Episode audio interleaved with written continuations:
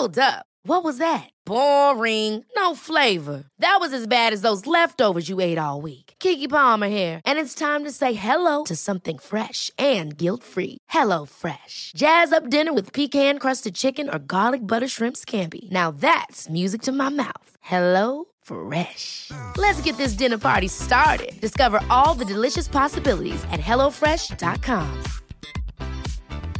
Hi, I'm Daniel, founder of Pretty Litter. Did you know cats tend to hide symptoms of sickness and pain? I learned this the hard way after losing my cat, Gingy. So I created Pretty Litter, a health monitoring litter that helps detect early signs of illness by changing colors, saving you money and potentially your cat's life. Pretty Litter is veterinarian developed, and it's the easiest way to keep tabs on your fur baby's health right at home. Go to prettylitter.com and use code ACAST for 20% off your first order and a free cat toy. Terms and conditions apply. See site for details. Hiring for your small business? If you're not looking for professionals on LinkedIn, you're looking in the wrong place. That's like looking for your car keys in a fish tank.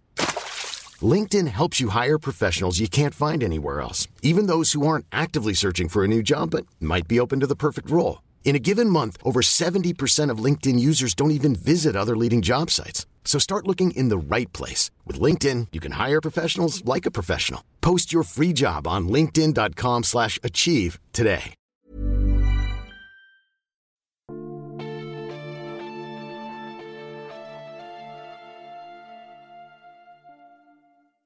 Välkomna till Sagan om Isfolket-podden avsnitt 26 Huset i Eldafjord Jag heter Dan och med mig har jag Anna Hej Anna! Hej Dan! Hej! Nu har vi varit i Eldafjord, det var väl roligt? Alltså om du roligt innebär att köra in handen i ett brännässlesnår och sedan typ hälla salt på den så ja, det var roligt! Så illa? Alltså inte riktigt så illa, det fanns stycken jag älskade Men det här är liksom av de här tre stycken ungdomarna vi skulle följa nu, Anna, Maria, Tulo och Eskil, så hade jag nog väntat mig att den sista boken av de här liksom, att Eskils bok skulle vara liksom ett slags crescendo över hur faktiskt hur bra sagan är och så blev det rätt platt. Ja, jag måste förvarna då att jag kommer att vara mer negativ än jag brukar vara den här gången för jag är ordentligt missnöjd med den här boken. Jag tycker den misslyckas med allt den försöker göra. Oj, så pass alltså? Ja, jag tyckte nästan enda, det enda intressanta i hela boken var kopplingen mellan Jolin och Isfolket. Men även den var konstig och, strulig och svår att förstå. Men det kanske var meningen faktiskt. Att det, den, kan jag, den kan jag nog tycka om. Men nästan ingenting annat. Jag håller med dig på många punkter och vi får dra igenom det lite mer noggrant. Vart ja. boken faller igenom. Men om vi börjar då, vart är vi någonstans? Ja, Eskil är ju då, har ju fått den här Pratat med den här mystiska drängen som inte fanns När han var 12 Vem var det? Någon random människa som bodde på gården och sen försvann och aldrig kom tillbaka. Ja men han, eh, Heiko Vinge hade ju ingen minne av honom Nej. Jätteskumt. Ja, och det tycker man ju att eh, eftersom Eskil kände igen honom som en dräng som hade jobbat på gården och inte, att det var ingen ny person han träffade den kvällen så låter det jättekonstigt att Heiko Vinga inte skulle känna till honom. Ja, de känns inte som människor som inte har koll på sina anställda. Det känns som de har en personlig och nära relation med de som jobbar på Gråsensholm och Linda ja. och Elistrand. Då måste den här drängen vara någon slags övernaturlig kraft som lyckas lura Eskil att de har träffats tidigare med sin magi och sen så här, ska han få honom till Eldafjord av någon anledning. Det, jag tycker inte det... Jag förstår inte alls varför det här hände. Det håller liksom inte för mig alls. Nej. Men det håller för Eskil, så han ger sig av på sitt stora äventyr eftersom han är utvald att åka till Eldafjord och hitta skatten. Oh, Eskil är så en jävla jobbig person! Ja, det låter som en jättedålig början på ett rollspelsäventyr när spelledaren inte har någon fantasi överhuvudtaget. Nej precis, och han har fått den här idén planterad hos när han var 12 och nu är han 21-ish och ja. ska åka iväg på sin stora quest till ett hus han vagt och talat till en skatt som kanske finns till en ort han har ungefär koll på vart det kanske ligger någonstans längs kusten eller någonstans vid norra Norge eller någonstans bortanför Grossensholms socken. Alltså västlandet, är det norr om bergen där? Själva Atlantkusten? Oj. Eller jag, jag förstår inte riktigt geografin heller. Inte jag heller, men det tror jag bara jag tänkte det, det ligger långt västerut så det kanske är västlandet. Det låter rimligt. Förlåt alla norska lyssnare. Rätta oss, berätta var det ligger. Ja, vi ska bli bättre på vår geografi. Eh, men Eskil är så klantig så att han lyckas få folk att tro att han är en spion för kung Karl Johan. Ja, och jag kan ju verkligen se för mig det här att han sitter och bara, ja men hur menar du då? Och tänk om det skulle vara så här. Jag tänker mig att Eskil är en sån här person som leker djävulens advokat när folk gnäller över det är så jobbigt under de här grejerna och mina barn svälter och Eskil bara, fast tänk ifall de inte hade svält om det varit så här. En sån person som man stör sig på jättemycket och att det finns faktiskt en orsak att han åker in. Ja, han är så irriterande att de sätter honom i fängelse. Ja men lite så. Nej usch vad hemskt, förlåt. Så kanske det inte alls så, men det känns så. Han får alltså tillbringa ett år i fängelse bara för att han är så jobbig. Ja, och det förtjänar han. Och sen när han väl kommer ut därifrån, när kungen till slut har någon tjänsteman i närheten. Så bestämmer han sig för att inte kontrollera om hans brev till föräldrarna har kommit fram. Eller något, utan ge sig vidare på sin quest efter ett väldigt, väldigt så här, well tack för att ni sket i mig att ruttna bort i fängelset, men jag beger mig nu, kommer inte hem, blä. Ett sånt moget brev skickar han. Hur gammal är han? Det känns som han är 14, men han är 21 liksom. Ja, jag tycker Eskil fungerar inte alls som huvudperson. Det är jättesvårt att känna minsta sympati för honom. Mm. Jag kände ju mer sympati för Tula i förra boken och hon är ändå det mest manipulativa jag stött på hittills.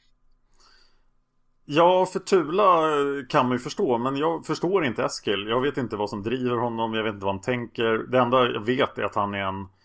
Han tycker hans föräldrar är starka personligheter så han vill göra bra grejer, men... Jag tycker inte han har någon riktig karaktär heller. Nej, och jag är lite osäker på om han vill göra den här bra grejen med att hitta skatten i Eldafjord för att han ska hjälpa eh, familjens ekonomiska situation eller bara hävda sig själv. Han känns väldigt självisk. Ja, det känns mest som man vill göra det för att det ska finnas en handling. Mm. Och till slut kommer han då till den här platsen Eldafjord. Mm. Och här får jag säga att här är en av grejerna som boken funkar för när det gäller mig. Då är det miljöbeskrivningarna här. Ja, verkligen. De är, de är ju fantastiska. Mm. Jag ser verkligen för mig det här lilla, lilla, lilla samhället längst in i fjordarmen. Med de branta fjällen bakom och den här storslagna naturen och den här ensamhetskänslan. Det, det räddar lite boken för alltså miljöbeskrivningarna är guld. Ja det är de, det är de. De hjälper boken men de räddar den inte för att den är bortom all räddning.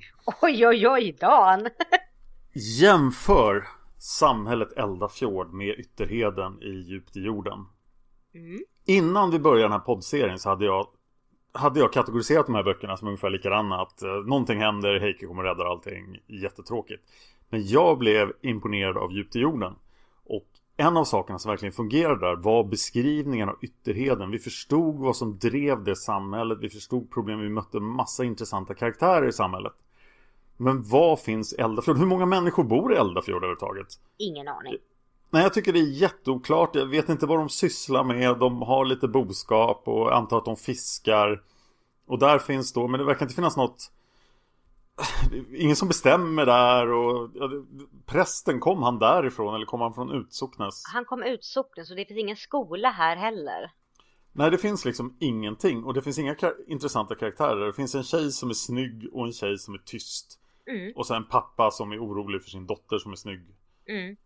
Och, och så då Terje och Solveig. Ja, och det vi enda vi får veta om befolkningen är att de är väldigt religiösa. Ja. Och Men det, det tar sig ingen direkt uttryck heller på något Nej. sätt som för historien framåt. Nej, det är mer bara att man ska ge dem lite så här en klichéartad invävning i. De var lite folk på en liten ort och därför var de väldigt religiösa för de hade ingenting annat. Och det är en sån kliché. Ja, och sen i Djupt i jorden då blir Anna-Maria en del av det här samhället. Hon vill hjälpa samhället. Vi får verkligen se samhället ur hennes ögon. Men Eskil bryr sig inte om Eldafjord. Och det gör att vi inte bryr oss heller om Eldafjord.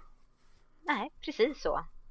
Så att jag, jag skulle, ville bara att det skulle liksom, fjället skulle rasa ner över stället och ta bort Och gärna Eskil också.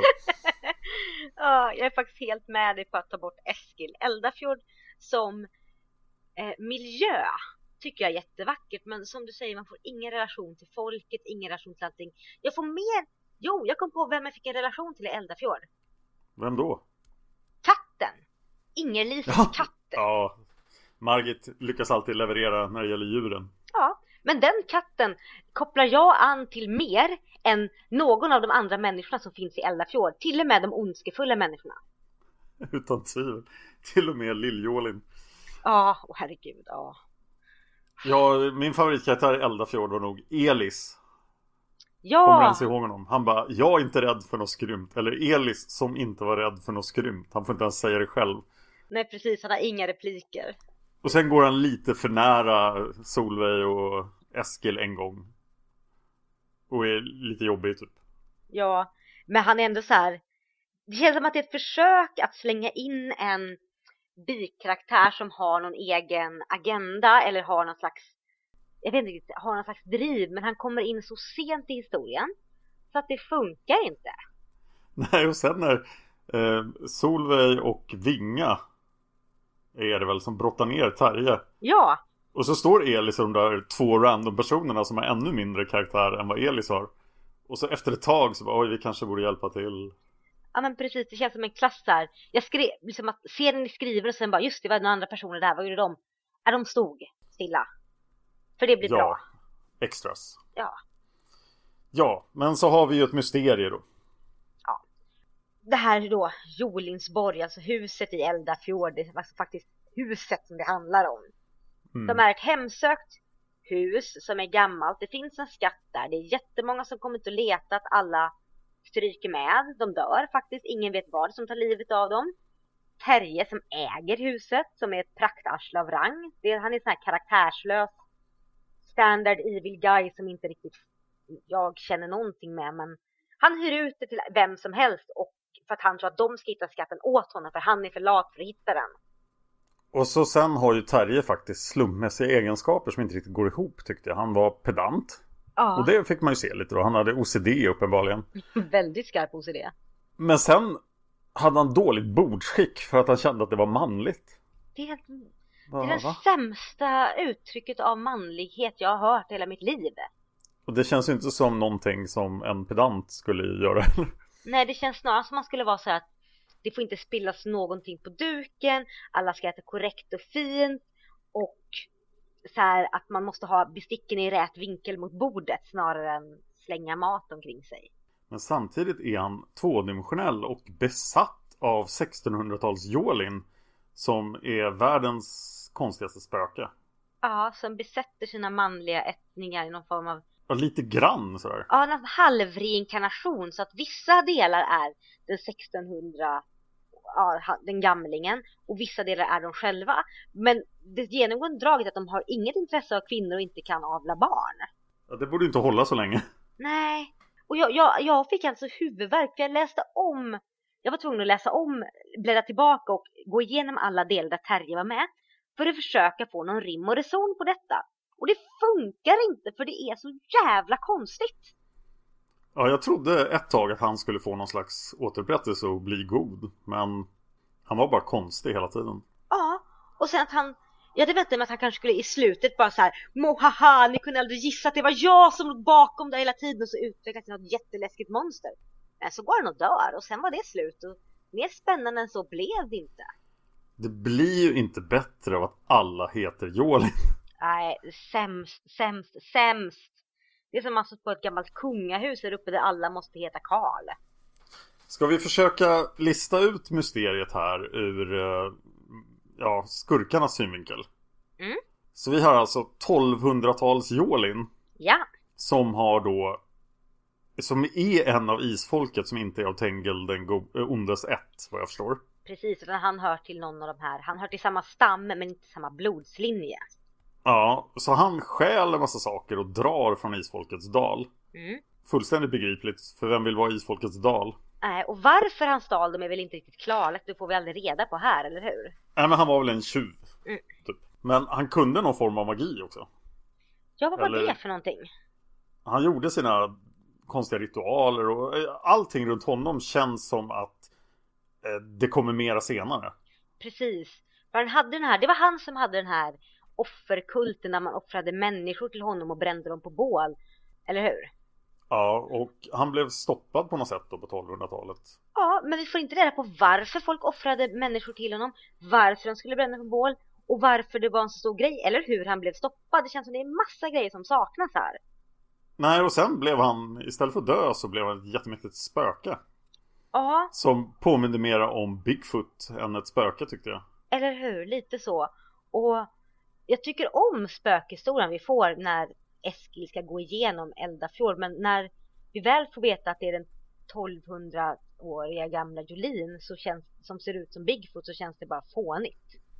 Ja, för sen fortsätter det. Alltså, han hade ättlingar ändå. Mm. Som eh, Ja, han höll borta därifrån och de visste inte riktigt vad som hade hänt. Och sen på 1600-talet kommer den här 1600-tals-Jolin då som mm. har den stora skatten och är rik av någon anledning. Ja men det var han som hade piratat runt saker, eller hur? Ja, och han börjar spöka för att skydda sin skatt. Mm.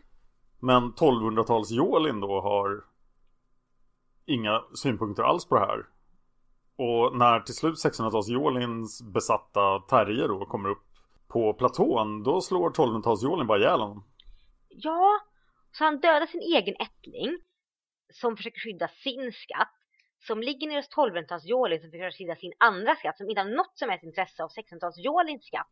Men båda råkar befinna sig på samma ställe och hur skatterna hamnar på samma ställe får vi inte riktigt reda på.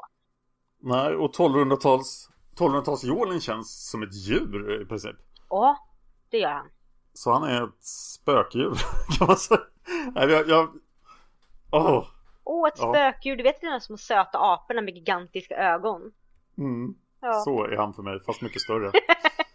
Nej men det känns jätteologiskt för att om 1600-talsjolin hade lämnat sin skatt uppe på platån så hade ju 1200-talsjolin slagit ihjäl honom snabbare än man kan säga gurka. Men nu så har vi två skatter på samma ställe. En ond förfar som skyddar dem, en ond förfar som är reinkarnerad och ett hus där det spökar på något sätt, men som inte alls är någon relevans för någon av 1600-talsjolins eller 1200-talsjolins. utan 1200-talsjolin vill skydda sitt hus uppe på platån, men slår ihjäl folk som bor i 1600-talshuset för att det är kul. Ja, tydligen. Eh, och sen då i modern tid så fanns det en Jolin som var lite galen, men han spärrade dem in och han satt mycket riktigt där och var galen på tukthuset, så han var bara ett blindspår. Mm. Och sen har Terje lyckats manipulera, manipulera saker och ting så att han har ärvt allting. Ja. Men trots att han är besatt av 1600-tals så får han inte hitta skatten. Nej, och det känns jättekonstigt för 1600-tals som är ett spöke borde ju på något sätt ha koll på vart det ligger. Och vart, att alla skatten kanske inte ligger i huset. Så vad är det som händer här? Varför går 1600-tals igen genom flera generationer? För att hindra eller hjälpa sin ättling att hitta skatten på ett plats där han vet att inte skatten ligger. Och varför är varför upplever Eskil att hela Eldafjord är tvådimensionellt? Jag har ingen aning, jag tror Eskil är full. Jag tänkte att det var någon slags illusion som i Korpens vingar. Mm. Det hade det varit inte. mer logiskt. Ja, det vet jag sjutton, men det hade varit någonting vi hade känt igen i alla fall. Ja, nu blev det bara, det blev bara väldigt konstigt. Och då tycker jag ändå väldigt mycket om hur Margit skriver eh, stämningen i huset i Eldafjord i Jolingsborg där Eskil sover över. Den här läskiga stämningen med dunsan och allting. Det är väldigt bra skrivet. Men i och med att det spökar på en plats där det inte är någon logik att det ska spöka. Så en bra uppbyggd scen och stämning som har gjorts där är helt bortkastad senare. För det it doesn't make sense. Nej, och då var alltså 1200-talsjålen nere i huset. Noterade att Eskil var där. Mm. Smög sig in och stirrade på honom när han låg i sängen. Åh gud vad obehagligt. Ja, och sen bara, nej nu är jag klar med att stirra på honom. Nu är jag upp på platån igen. Ja, och när så, var det jaha. så att de, var det så att han kunde läsa tankarna när de hade kommit skatten på spåren och då slog han ihjäl dem? Och hur kom han in i huset? ja, det, det, finns så många frågor. Mm. För att han beskrivs ju som en, han är ju en gen, eller något slags osalig ande eller någon slags varelse, men han känns mer som en Bigfoot-liknande faktiskt fysisk varelse i den här världen. Så han kan inte gå genom väggar, uppenbarligen. Nej. Och han kan uppenbarligen röra vid folk, så att han, är, så han typ drar ner dem under stenar och slår ihjäl dem. Så hur kom han in i huset? Ja, är han vandöd eller är han ett spöke eller vad är han för något? Det känns som han är någon form av, det känns inte som han är en odöd. För att det tror jag att de säger i boken att han inte är en odöd som det var i Korpens vingar. Men han är inte Nej. heller en levande varelse. Så jag vet inte vad han är, någon slags... Han kanske såg ut så här när han levde, så han går bara igen som... Ja. Men i och med att ett spöke inte kan dunsa så ta, jag tolkar honom som väldigt, väldigt, väldigt verklig på ett sätt. Ja, onekligen. Jag tänker mig att hans, vad säger man, hans galenskap, hans vilja att liksom skydda sin skatt och allt sånt där har gjort att han fått en slags fysisk form som är, som har, liksom har förankrats i den verkliga världen på ett sätt som vi inte har sett innan. Men det är min teori, och den sägs aldrig i boken så det är fortfarande väldigt oklart och ologiskt vad det är som den 1200-talsviolin faktiskt gör. Ja, och eh, ja, sen spelar det ingen roll eh, vad han är egentligen för att han har ju ingen chans. Nej, gud mot, nej. mot Mar, Dida och Vandraren. Precis. Och kan, kan vi bara prata om en sak här med Vandraren? Nu hoppar jag väldigt mycket, men Ja, vi, vi, kan ja. ta det, vi kan ta det sen. Vi ska gå igenom storyn först innan jag börjar gnälla om vandraren. Okej, okay, nu tar vi storyn Eskils synpunkt. Mm. Eskil kommer dit till Eldafjord. Han träffar de här två flickorna. Den vackra flickan och den tysta flickan. Ja. Och vad gör de i historien? De känns som att de bara är någon slags kärleksintresse för Eskil. Ja, det ser ut som det är något försök att göra en spännande kärlekshistoria som ju saknas fullständigt i den här boken. Ja, det är noll dynamik. Noll, noll, noll dynamik. Ja, det finns ingen kemi mellan någon. Nej. Det finns till och med ingen kemi mellan Heike och Vinga i den här boken. Jag tycker Heike och Vinga är inte sig själva i den här boken. Nej! Och då har vi ändå haft Djupt i jorden där de var jättebra. Vi har haft Ängen mm. med dolda horn där de var fantastiska med sina små kommentarer och man märkte verkligen hur nära de var varandra. Och så den här boken där det bara är platt och konstigt. Ja, nu är Heike bara konstig och våldsam eh, och tycker att, ja i och för sig, han, Terje var ju lik Sölve då så börjar ju... Jag förstår att han blir våldsam. Och Vinga är bara så här, jag kan minsann föra mig. Mm -hmm. eh, Okej, okay. och jag är fortfarande snygg. Ja. Man bara, ja det vet vi. Men var är din personlighet Vinga? Vad har du gjort med den? Äh, det fanns inte tillräckligt med personlighet både till Vinga och katten. Så det fick bli katten i den här boken. Nej, och sen då också det här att Eskil är totalt oförmögen att göra någonting vettigt förutom att hitta de här papperna som äpplena ligger på. Det är väl i princip det enda han lyckas göra. Sen kommer Heike och ska rädda honom, precis som jag var rädd för i den här boken. Då, att Heike och Vinga anländer och tar över. Mm. Men sen klarar inte Heike av det heller, så då måste förfäderna komma in och rädda honom. Ja, precis. Och jag får säga att jag tyckte inte det blev så jättestört när Heiko och Vinga dök upp för nu har de faktiskt en anledning att åka dit. De har ju en rejäl anledning för att Eskil skickar iväg det här överspelade brevet han bara Oh my god, alla dör, det är jättehemskt, kom och rädda mig, wine, wine, wine. Så att jag förstår att de åker dit snabbare, så snabbt de kan. Ja, vad var det för brev? Alltså han är ju så otroligt omogen. Han är ju som en gurka i mognadsgrad. Ungefär. Mm. Så jag förstår att de kommer dit och det blir inte så störigt när de väl dyker upp för att det är så här, det är hyfsat logiskt att de åker dit. Men sedan så har ju Vinga den här liksom att hon går dit, hon går till gården där den här vackra flickan bor och ser liksom att åh nej, det här är ingen bra flicka för min son och fy vilken hemsk familj och jag är glad att min son inte väljer henne för det hade varit hemskt. Och det är ja. typ hennes roll hon har här. Ja.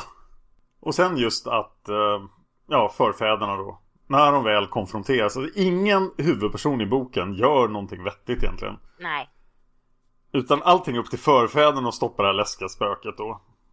Och det gör de ju galant. Mm.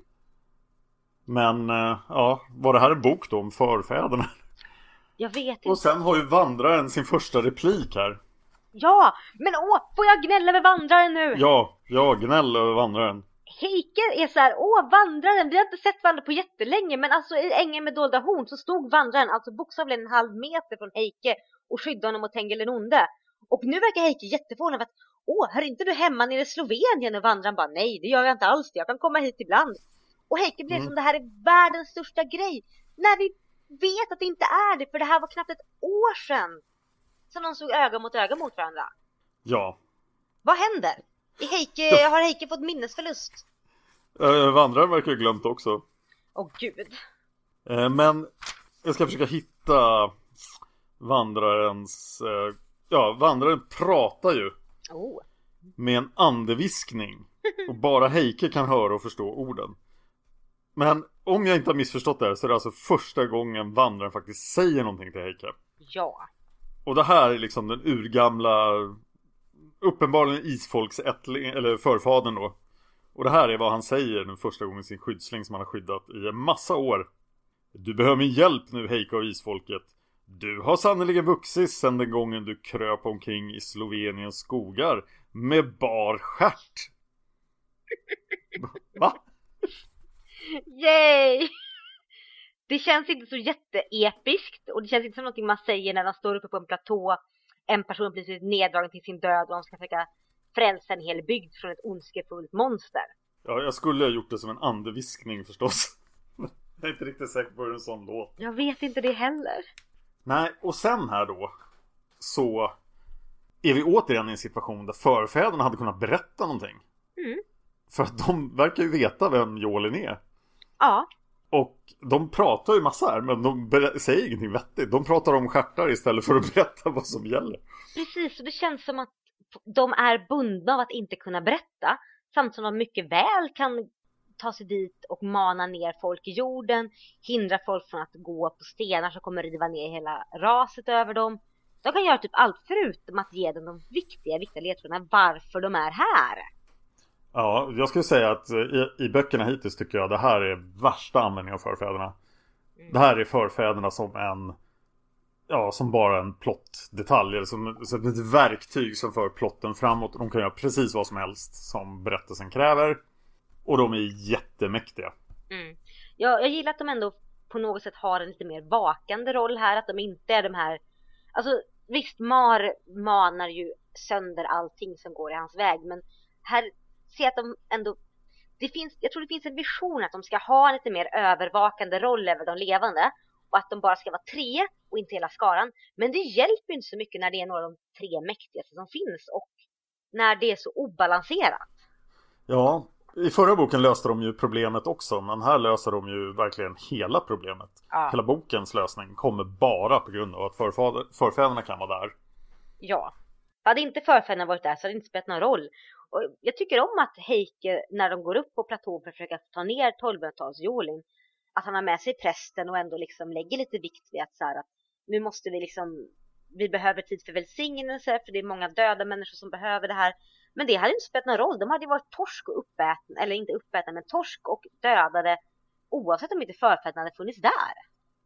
Ja, prästens närvaro var faktiskt lite intressant och att han då skänkte dem frid genom att läsa över deras gravar mm. eller deras kroppar. Och den här andeskaran, eller den här De fördömdas själar som sjöng, det var, det var lite stämningsfullt. Ja, alltså det finns bra stycken i den här boken. Som sagt, miljöbeskrivningen av Eldafjord.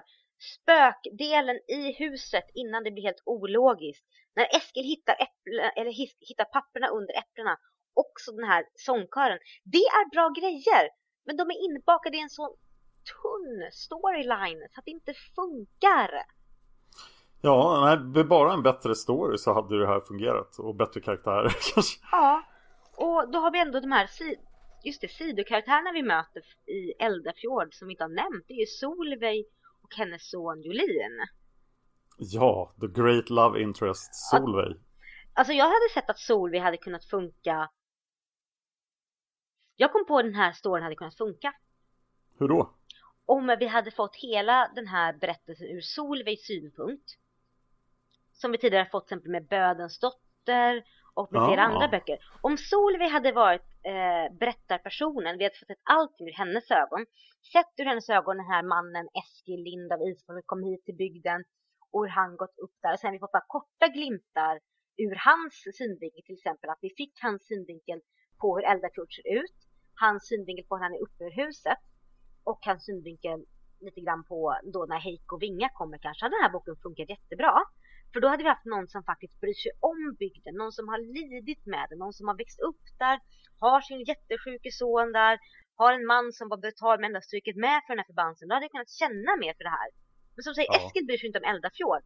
Så att därför bryr inte oss vi om Eldeklubben. Men hade vi haft Solveig, som ändå är en rätt vettig person och skriven hyfsat väl men inte funkar som love interest, hade den här funkat. Ja, det hade nog varit betydligt bättre. Jag tycker Solveig är väldigt, alltså hon bryr sig om sin son mm. och hon vill komma därifrån men hon gör ju ingenting. Nej. Och eh, hon är verkligen det hjälplösa offret som måste räddas. Ja, hon är damsel in distress men man har bara bakat in henne som, i rollen som mor för att det ska vara lite mer ursäktat. Mother in distress. Uh, och då hade jag nog känt lite mer om boken hade varit skrivet ur Solveigs synpunkt hade jag nog känt lite mer för Jolin också. För nu känns det bara som att Eskil bara, ja ah, men det kanske kan lösa sig, jag kan rädda dig. Men jag är inte så mycket bryr mig, jag bryr mig inte så mycket över la di la di la. Jag vaknade till när kopplingen till isfolket kom där att Jolin var en av isfolket och att det fanns eh, Tengel den ondes egna flöjt ju till och med. Mm. Och när Heike övermannas av Oj. sin vilja. Mm. Att han ska spela på flöjten och sådär. Och, ja, det, det var bra. Det är bra, men det kommer så sent. Ja, och det var svårt att väcka intresset för boken igen ja, vid precis. det laget. För när det hände så satt jag, satt jag och försökte liksom lista ut med att men om Terje var den onde Jolin på 1600-talet, varför går inte det här ihop? Och hur kommer det sig att förfar inte sa det här? Så jag har så mycket lösa trådar som inte funkar så att det, det stora plottögonblicket när Heike konfronteras med den drabbades förbannelse det faller liksom. Och det känns som att boken ska vara en uppbyggnad till det, men det funkar inte för det är en dålig uppbyggnad. Ja, det blir ju lite läskigt med flöjten där just som vi har sett. Hey folks, I'm Mark Marin from the WTF podcast and this episode is brought to you by Kleenex Ultra Soft Tissues your ally to help tackle your allergy symptoms this season. I love the change of seasons, but nobody loves pollen and all those other things floating in the air that make you sneeze during this nice weather. Kleenex Ultra Soft tissues are hypoallergenic and allergist approved. So fight back against watery eyes and runny noses without worrying about irritating your skin. For this allergy season, grab Kleenex and face allergies head on. Hi, I'm Daniel, founder of Pretty Litter. Cats and cat owners deserve better than any old fashioned litter. That's why I teamed up with scientists and veterinarians to create Pretty Litter. Its innovative crystal formula has superior odor control and weighs up to 80% less than clay litter. Pretty Litter even monitors health by changing colors to help detect early signs of potential illness. It's the world's smartest kitty litter. Go to prettylitter.com and use code ACAST for 20% off your first order and a free cat toy. Terms and conditions apply. See site for details. Hiring for your small business? If you're not looking for professionals on LinkedIn, you're looking in the wrong place. That's like looking for your car keys in a fish tank.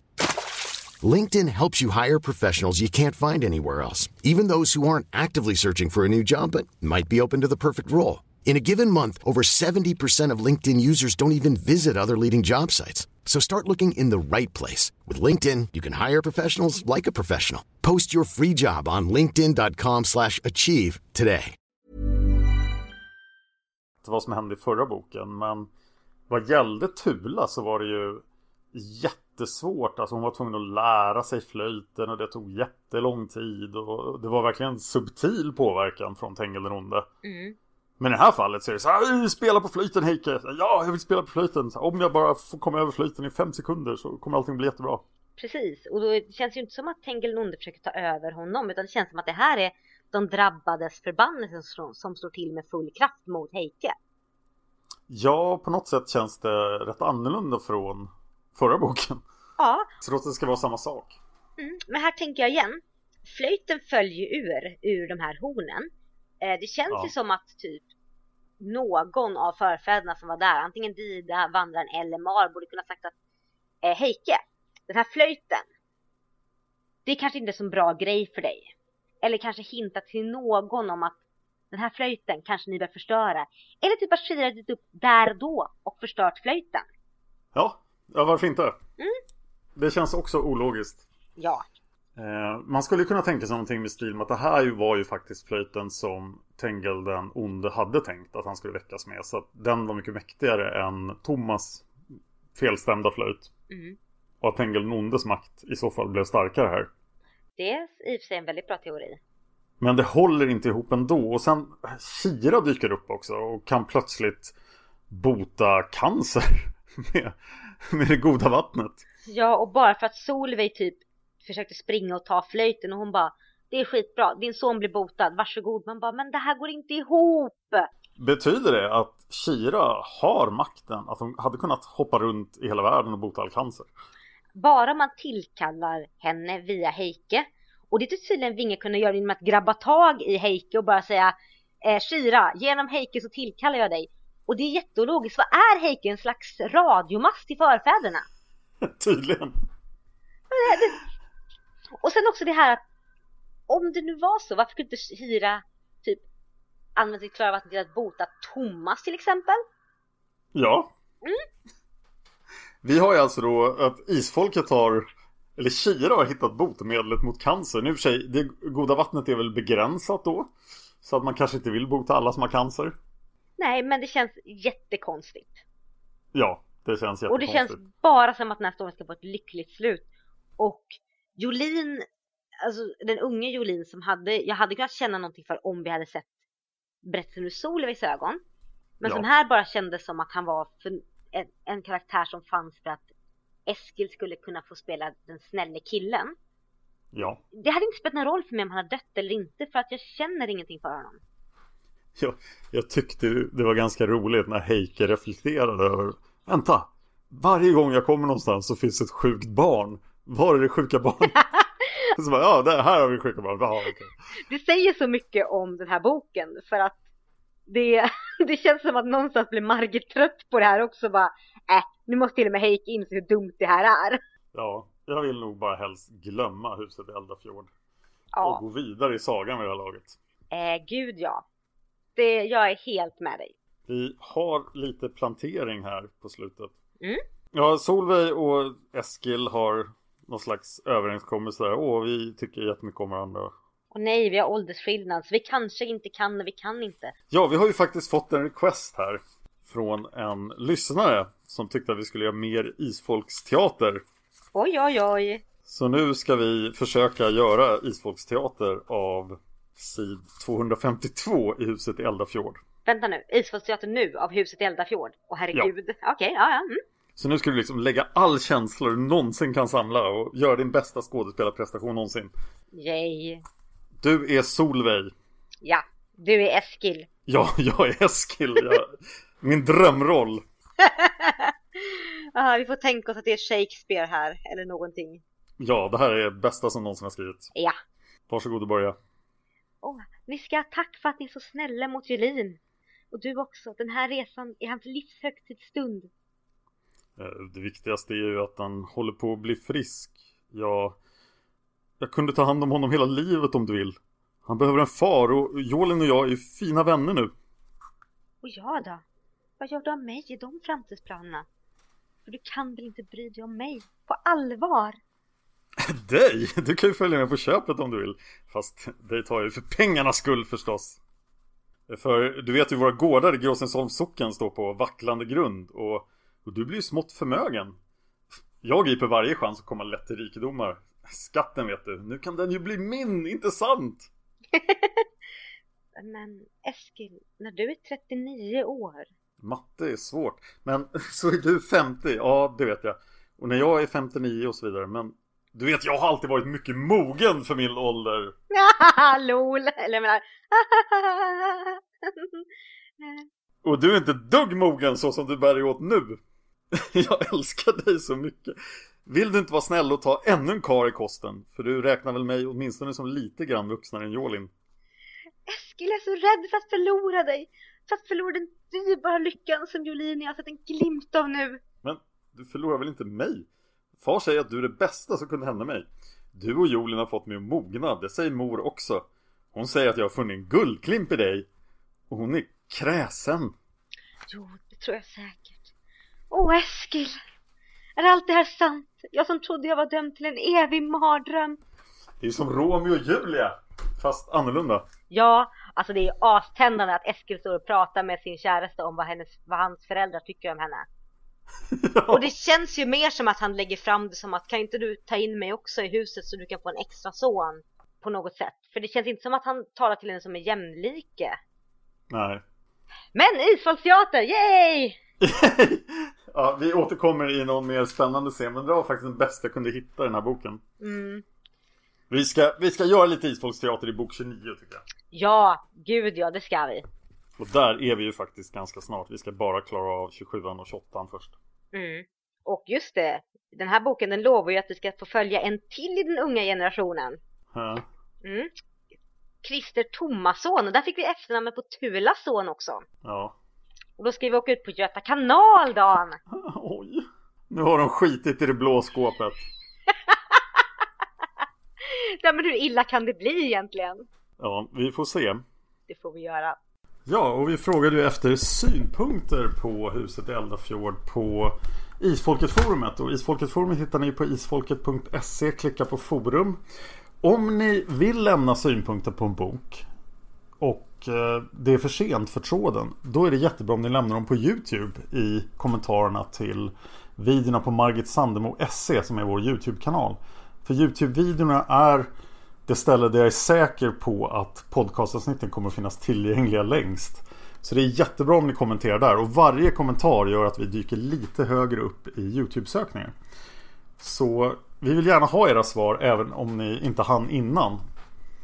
Och de frågor vi vill att ni ska svara på är Vad tycker du om boken? Vilken är bokens bästa ögonblick? Vilken är din favoritkaraktär? Och varför? Och du får börja med de som vi fick innan. Ja, precis. Och det första svaret är från Sandros Anna som är en nyföding på forumet och detta är hennes allra första inlägg, så välkommen!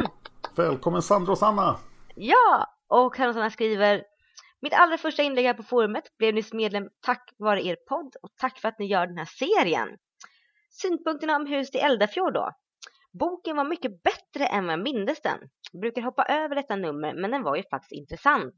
Dock långt ifrån någon av de bästa. Det är en väldigt händelserik bok. Dels själva skattletandet men även historien om Eskil och flickorna i Eldafjord, allt om Jolinsläkten, Heike som blir besagt, gamla släktklenoder som hittas. Det är en minst sagt fullspäckad bok. Blir nästan lite kaka på kaka av allt upprörande och förklaringar i slutet av boken. Bokens bästa ögonblick. Kanske när Shira häller en droppe av det klara vattnet på lille Jolin och Solveig känner hennes närvaro. Så fint. Favoritkaraktär? Tycker du om Solveig? Eskil och Solveig är ganska undanskymda karaktärer i övrigt och det är därför roligt att få en djupare bild av dem. Solveig är en komplex karaktär som har både djup och yta. Hon känns trovärdig som människa. Nästa synpunkt kommer från fröken Anna-Maria. Hon tycker om boken. Inte riktigt någon favorit. Jag tror det beror på att jag ofta väljer att läsa om Isfolket när jag själv ligger sjuk. Det är inte så krävande eftersom man kan det mesta av handlingen utan till. Att då läsa om Lille Jolins sprängande huvudvärk är inte så kul. Blir bara ännu sjukare själv då. Typisk bok jag kan hoppa över av den anledningen. Men jag gillar spökhistorien och det hemsökta huset så den har sin charm ändå. Favorithändelser? När Eskil försöker få reda på gåtan med huset, läser under äppelhögen och hör anderöster. Det är spännande. Samt när lille Jolin blir frisk, lättnaden och lyckan. Favoritkaraktär? Jag hade hoppats mer på Eskil men tycker han blir lite platt. Han var roligare i förra boken. Jag tycker om Solveig när hon är glad och dansar runt med folk. Samt Vinga när hon anar oråd om flöjten och binder fast Heike vid ett träd. Terje är en intressant komplex karaktär. Jag tycker det är lite synd att ha ihjäl honom på slutet. Det hade varit mer spännande att se honom utvecklas. Konstigheter. Hur i all världen har Eskil fått tag i morfin utan att Heike haft någon koll? Och vad är den urgamle Jolen egentligen? Ett spöke, en odöd eller en ovanligt långlivad grobian? Mm -mm. Och nästa svar kommer från mamma Tova som skriver så här. Boken börjar läskigt med en gång med något ruggigt troll som spanar över bygden. Sätter stämningen direkt. Även om jag älskar serien och Margit som författare så finns det saker jag retar mig på. Som att enkla människor får tala bondska, det vill säga och sen gick han till frugan min och hon begrep inte hur en så fin herre hittat i stugan våran, etc. Det är bara tungläst, larvigt och jobbigt och tyder på att han inte klarar av att låta personen framstå som enkel blott genom sin beskrivande text. Men allt som allt så tycker jag om den här boken. Den är riktigt, riktigt läskig. Scenen där trolljolin drar ner människor mellan stenarna har förföljt mig genom åren. Fortfarande ser jag raggiga händer om jag måste tassa på stenrös ibland. Uh. Fina scener då. Jag tycker om när Solveig och Eskil är så spända inför varandra och har lite ångest innan de får ihop det. och scenen när det talar ut om det är så mysig. Personen jag tycker om. Jag tycker nog bäst om Solveig i den här boken. Jordnära och snäll människa. Heike blir lite patetisk. Förlåt Heike! Sen kommer Silje Arngrimsdotter på norska då. Och hon har inte gett oss några uttaltips. Så jag har redan märkt att vi säger både Jolin och Jolin. Så att, men jag vet inte vad som är rätt. Hon har gett oss uttalstips, såg jag nu. Jaha, är det längre ner? Nej, det är en egen tråd. Jaha, oj. Ge oss gärna dem i den här frågetråden. För det är så mycket att hålla reda på när vi poddar så att vi kan lätt missa. Vad säger Förlåt, hon då? Silje. Eh, det hon säger är följande. Nu ska vi se här. Det är Jolin, eller hur? Eh, det hon säger är Jolin.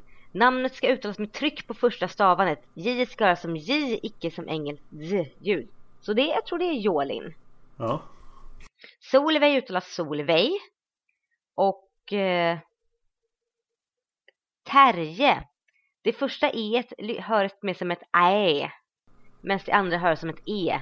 Terje. Här, ja. Så vi har lyckats hyfsat bra. Terje? Nej. Terje. Terje. Ja. Vi borde läsa de här innan vi poddar. Ja. Tack så jättemycket Silja Omstedt för att du skriver ut grejerna. Det är helt vårt fel att vi lyckas missa det. Ja, skriv dem gärna i frågetråden just så att vi, vi är säkra på att hitta dem. Ja. Eh, här är då Siljes svar om den här boken. Den börjar lite tråkigt men efter ett tag blir det riktigt spännande. Det Eskil upplever i huset eh, är nästan lite eh, gröseraktigt. Det märks att det är väldigt länge sedan jag sist läste boken. Hoppat över den vid tidigare genomläsning av serien. För jag hade glömt det mesta om personerna och händelserna. Men jag kommer ihåg uppgörelsen med den första Jolin och att Heike måste bindas för att inte spela på Tengil den ondes flöjt. Oh. Bokens bästa ögonblick är då Kira ger unge Jolin en stänk av livets vatten så att han kan bli frisk. Och eh, berättar för Solveig att de förtjänar det för sitt mod och sin hjälp till isfolket. Till skillnad från andra canceroffer som inte förtjänar det klara vattnet. Tydligen. Eh, det var mitt tillägg. Silje fortsätter.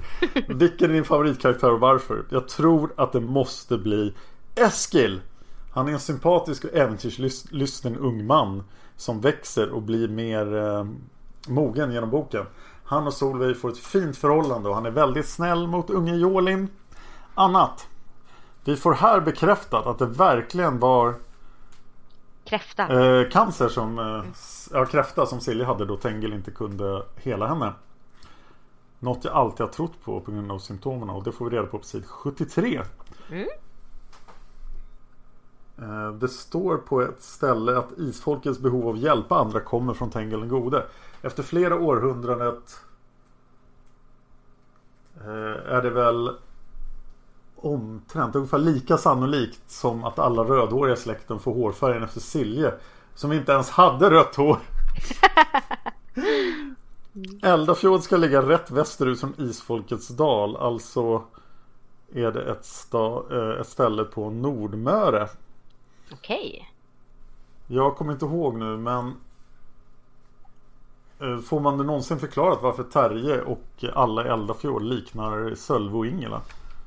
Nej, det får man inte reda på. Nej, och om Jolin inte var den första Jolin inte var en släkting, direkt släkting till Tengil den onde så finns det ju ingen som helst förklaring. Dessutom om det har gått 600 år och de var kusiner eller något så så borde det inte synas heller. Nej, precis. Och dessutom så hör ju det dem till en gren som är Alltså både Ingela och Sölve hör ju till den svenska grenen som inte alls har så mycket med den norska grenen att göra. Nej. Den är ju de mest uppblandade grenarna.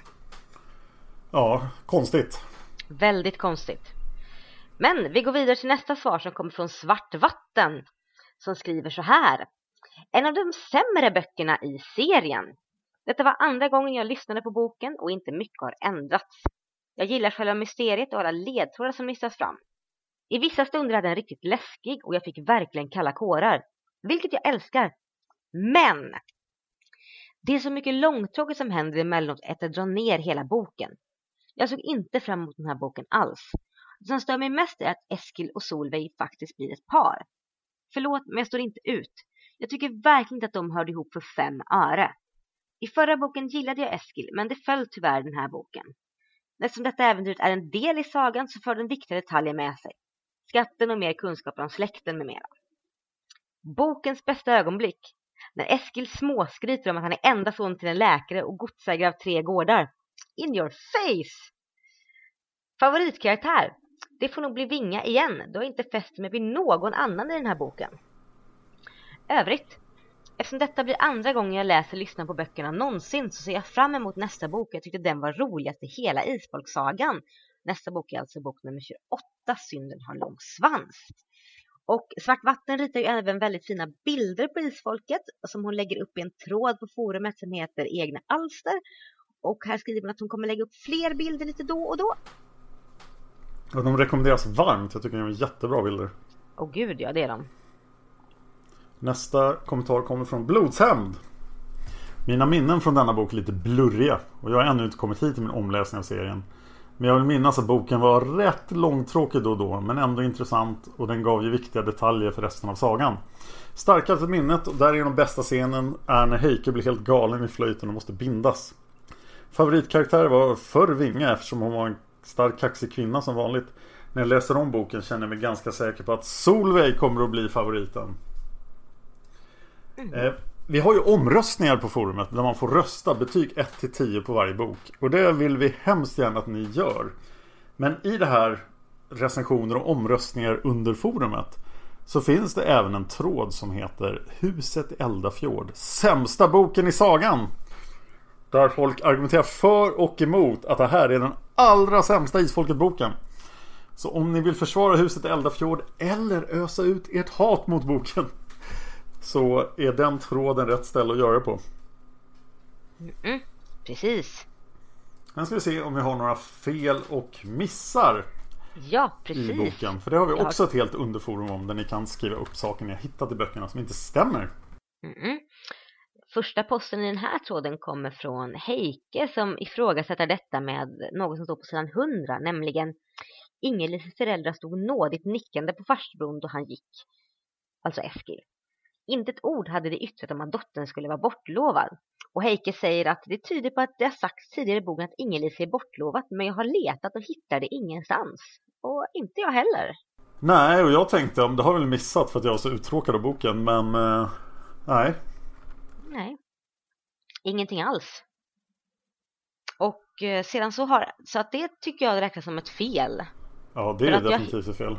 Ja, det känns som en sån här grej som att slängs ut för att man ska förstå att Inge-Lisa är utanför räckhåll för Eskil. Men i och med att det inte har nämnts innan så blir det väldigt konstigt. Ja, och sen har vi mycket, lite mer av ett eh, bara enkelt fel som det som händer när man skriver böcker. Mm -hmm. Det är Anneli som har hittat det. Och eh, Heike, Vinga, Eskil, Solveig och Jolin är i soten. Och då står det i boken han gick och kom med tre stora pärmar fyllda av lösa papper. Oj, stönade Heike. Men en timme senare gick han därifrån. Då hade han många upplysningar att ge vidare till Vinga och Heike. Uh-oh. Och det ska ju då förstås vara Vinga och Eskil. Mm. Så att ett Heike har blivit ett Eskil. Ja, och det här står också i min bok som är en av nytryckta böckerna. Jaha, så att det felet överlever. Det här felet och överlever. De klarat sig 30 år och du tänker fortsätta överleva. Mm-mm. Och då skrev ändå vi på det här forumet om detta felet redan 2008. Ja, så om ni har hittat någon bok där det här felet inte finns så se till. Undrar om det var likadant i ljudboken. Precis, ni som har lyssnat på ljudboken får jättegärna säga det och gärna lämna en kommentar till exempel på vårt Youtube-avsnitt. Ja, eh, Blodsänd har hittat ett fel på sid 235. Mm. Eh, Eskil till Heike om den första Jolin klumpade bara omkring på det grövsta och slog sig för bröstet som en gorilla och vrålade och kastade stenbumlingar. Jag menar, kan man ha respekt för ett sånt spöke? Och Blodshem säger då, det jag menar med det här visste man på tidigt 1800-tal i Norge vad en gorilla var. Fast det kanske man gjorde, jag vet inte riktigt. Och jag kollade upp det här. Mm. Och det finns en fantastisk person som heter Hanno the Navigator. Han och navigatören. En, från Kartago. Han gjorde en massa konstiga resor. Eh, med sin båt. Bland annat ner i Afrika. Och eh, okay. det är från honom ordet gorilla kommer. Han stötte nämligen på en mystisk stam som huvudsakligen bestod av kvinnor, var väldigt håriga och väldigt våldsamma och jobbiga och primitiva. Och det tvistas än idag då om det här faktiskt var gorillor. Eller om det var människor. Eh, eller om det kanske till och med var schimpanser. Men okay. han har skrivit ner det här då och skriver då om att den här stammen heter Gorillae. Så där, därifrån kommer termen. Men den arten gorilla beskrevs modernt först 1847 i en vetenskaplig skrift då, om vad, vad gorillor var ett djur och hur de funkade och sådär. Aj, aj, aj. Så att det är ju Det känns ju som att gorilla inte är ett ord som passar in innan 1847. Nej. Så eh, Ja. Jag vill nog räkna det som ett nutids, en nutidsterm som smyg, smygs in i boken. Ja, och det hade man ju kunnat hitta något annat ord för någonting som sprang omkring och ja, i och för sig han slog sig för bröstet. Det är väl bara gorillor som gör kanske. Ja, så här, man hade kunnat likna det vid någonting annat i så fall. Mm. Mm. Ändå ett ganska litet fel måste jag säga. Ja, men ändå ett fel. Ja, Ja, det var det. Vi vill ha iTunes-recensioner för det har vi inte fått några på ett tag.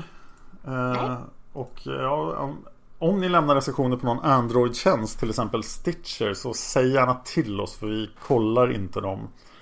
Så vi vet inte riktigt om vi har fått några. Men vi uppskattar sådana recensioner också för att alla recensioner hjälper oss att komma högre i sökningar så att fler personer hittar Isfolket-podden. Och det gör oss glada. Precis. Så om ni har skrivit en sån recension på Android så lämna gärna ett inlägg eller ett mail på vår Facebook-sida Sagan om Isfolket-podden så vi kan hitta den och vi läser upp den här i podden. Det vore jättebra. Mm -mm. Det var nog allting vi hade för huset i Eldafjord. Ja, precis. Och Dan, vad kan lyssnarna hitta mer av dig? Jo, jag finns på Twitter som Dan Horning och på Facebook som Dan Hörning. Jag gör en massa andra poddar. Jag har ju precis startat en podd som heter Pokepod som handlar om Pokémon Go. Och nej, nu daterade jag det här avsnittet. Så att alla kommer ihåg sommaren 2016 när världen blev galen. Yay! Och I avsnitt tre av Pokepod hade jag en eminent gäst, nämligen Anna! Yay! Yes! Så spelar ni Pokémon Go så lyssna på The Pokepod. Den hittar ni lättast på Hard Nerd Café på YouTube. Där ni även hittar min Game of Thrones podcast, Game of Thrones Chat. Mm -mm. Var kan lyssnarna hitta mer av dig, Anna? Jag har en blogg, setsunaseras.blogspot.se som jag nu kommit igång och börjat skriva i riktigt ordentligt. Den får man jättegärna gå in och följa. Sen har jag en Facebook-sida, Setsunaseras, som man också gärna får gå in och trycka like på. Och där postar jag dels mina bloggposter och dels lite vanliga saker som händer och roliga bilder på katter och bra artiklar. Sen finns jag på Twitter, där heter jag Anna Seras och där får man jättegärna gå in och följa mig också, för jag följer det tillbaka. Ja, och det är väl där man kan hitta mig. Ja, då är det dags att börja fundera på synden som har lång, lång svans. svans. Oh, det låter spännande. Ja, man kan ju hoppas. ja, ni får det bra till dess. Hej då!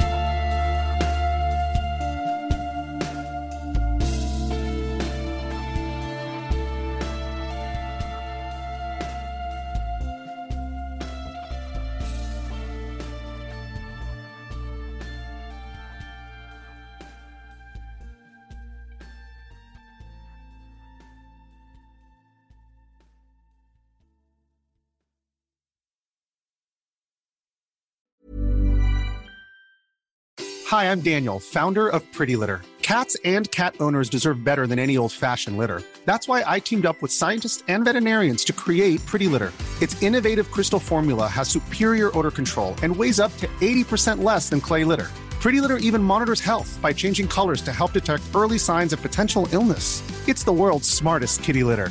Go to prettylitter.com and use code ACAST for 20% off your first order and a free cat toy. Terms and conditions apply. See site for details. Hold up. What was that? Boring. No flavor. That was as bad as those leftovers you ate all week. Kiki Palmer here, and it's time to say hello to something fresh and guilt-free. Hello Fresh. Jazz up dinner with pecan-crusted chicken or garlic butter shrimp scampi. Now that's music to my mouth. Hello Fresh. Let's get this dinner party started. Discover all the delicious possibilities at hellofresh.com. Hi, I'm Daniel, founder of Pretty Litter.